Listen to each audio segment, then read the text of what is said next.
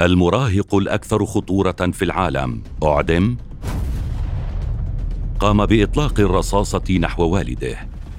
وعندما لاحظت الوالدة الصوت وتوجهت نحوه وجه البندقية نحوها وقتلها أيضا. كان أول وآخر مراهق دون السابعة عشرة من عمره الذي يتم إعدامه في الولايات المتحدة الأمريكية. وإذا كنتم تظنون أن هذه قصة مقتبسة من فيلم خرافي فأنتم على خطأ. تابعوا معنا قصة الشاب الذي أرعب علماء النفس ووضع معايير جديدة للهوس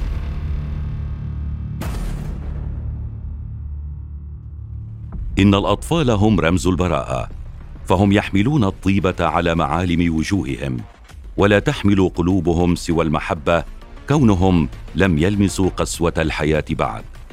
لكن الأمر ليس كذلك على الدوام. فقصص أفلام الرعب قد تتحول لحقيقة مرعبة ومخيفة. إذ ماذا لو أصبحت أنقى الكائنات وحوشا كاسرة تنقض على غيرها وتخطف منها الحياة؟ بدأت في الثمانينيات وأوائل التسعينيات المخاوف في الولايات المتحدة الأمريكية من انتشار ظاهرة عبادة الشيطان. بحيث كان العديد من الشبان ينجرون وراء تلك الظواهر والطقوس المظلمة. وفي ليلة الخامس من مارس من عام 1986 بدأ سيلرز بتنفيذ أوامر الشيطان له. ها هو يتقدم نحو والده الذي كان نائما في الغرفة مع والدته. لم يكن شون يرتدي حينها سوى قطعة ملابس داخلية لكي يبعد عنه الدم المتناثر. أي دم يا ترى؟ رصاصة واحدة أودت بحياة الوالد. رصاصة واحدة أيقظت الوالدة على شناعة الصوت ورعب المشهد. لم تكن الأم ستحظى بالكثير من الوقت لتحليل وفهم ما حصل. وجه سيلرز البندقية نحو وجه أمه لتلقى حتفها بطلقة واحدة كمصير زوجها. بدم بارد. راح شون يرتب مسرح الجريمة ليبدو وكأن قاتلا متسلسلا هو من قام بهذه الفظاعة. لم تكن المرة الأولى التي يسرق فيها شون الحياة من إنسان آخر. كان مالك متجر صغير قد رفض بيع سيلرز المشروب فلم يتردد هذا الأخير بإنهاء حياته على الفور. ذاك المراهق الذي لم يبلغ الثامنة عشرة من عمره كان قد ارتكب ما يكفي من فظاعة ليتم القبض عليه. شون سيلرز وراء القضبان مدان بجرائم قتل من الدرجة الأولى. بماذا سيدلي؟ وهل سيتمكن من إقناع هيئة المحكمة ببراءته؟ بدأت جلسات المحاكمة ومعها بدأت تظهر خفايا ودوافع الشاب الذي هز الرأي العام الأمريكي. إنني أمارس دين الشيطان. هكذا كانت كلمات سيلرز الأولى فما كانت تتخوف منه السلطات الأمريكية بانتشار طقوس عبادة الشيطان قد حصل.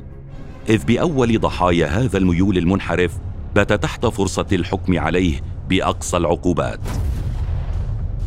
كانت اعترافات شون مثيرة للشكوك بحيث أدلى سيلرز أنه كان يقرأ الإنجيل الشيطاني لكاتبه أنتون ليفي وأن هذا الكتاب منتشر بين العديد من فئات عمرية تتراوح بين الخامسة عشر والسادسة عشر عاما.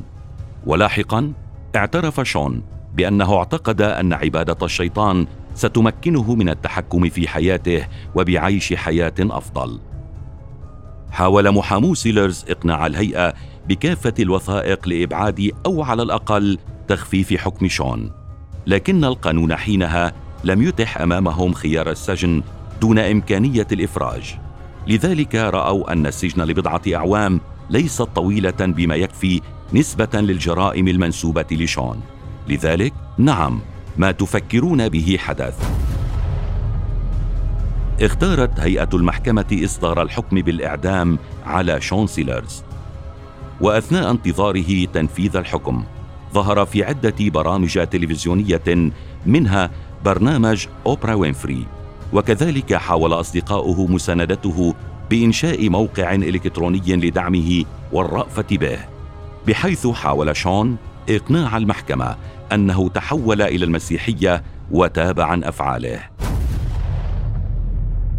لم تقتنع المحكمة بهذه الادعاءات لذلك حاول شون تقديم استئناف توكل محاموه بعرضه للمحكمة قائلين بأن شون يعاني من اضطراب تعدد الشخصيات.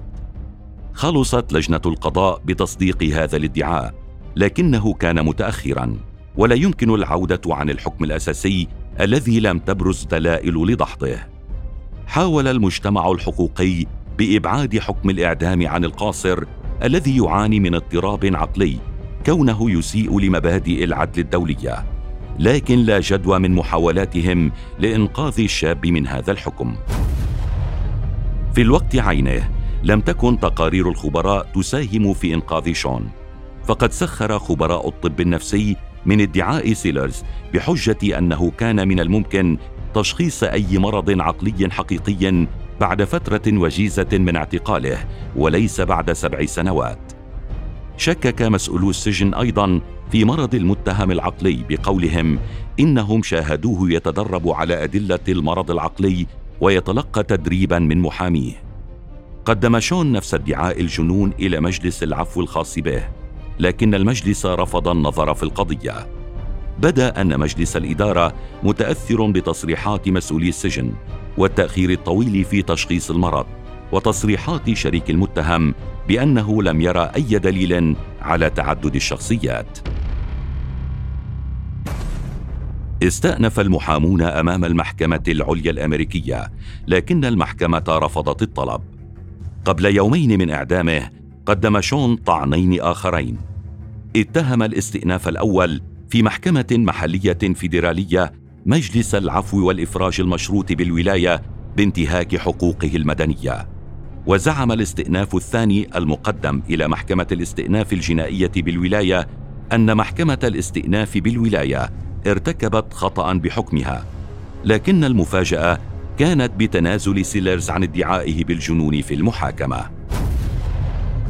تم إعدام شون سيلرز بالحقنة المميتة في الرابع من فبراير عام 1999 في سجن ولاية أوكلاهوما في ماك أليستر وتوفي بعد خمس دقائق من تناول الحقنة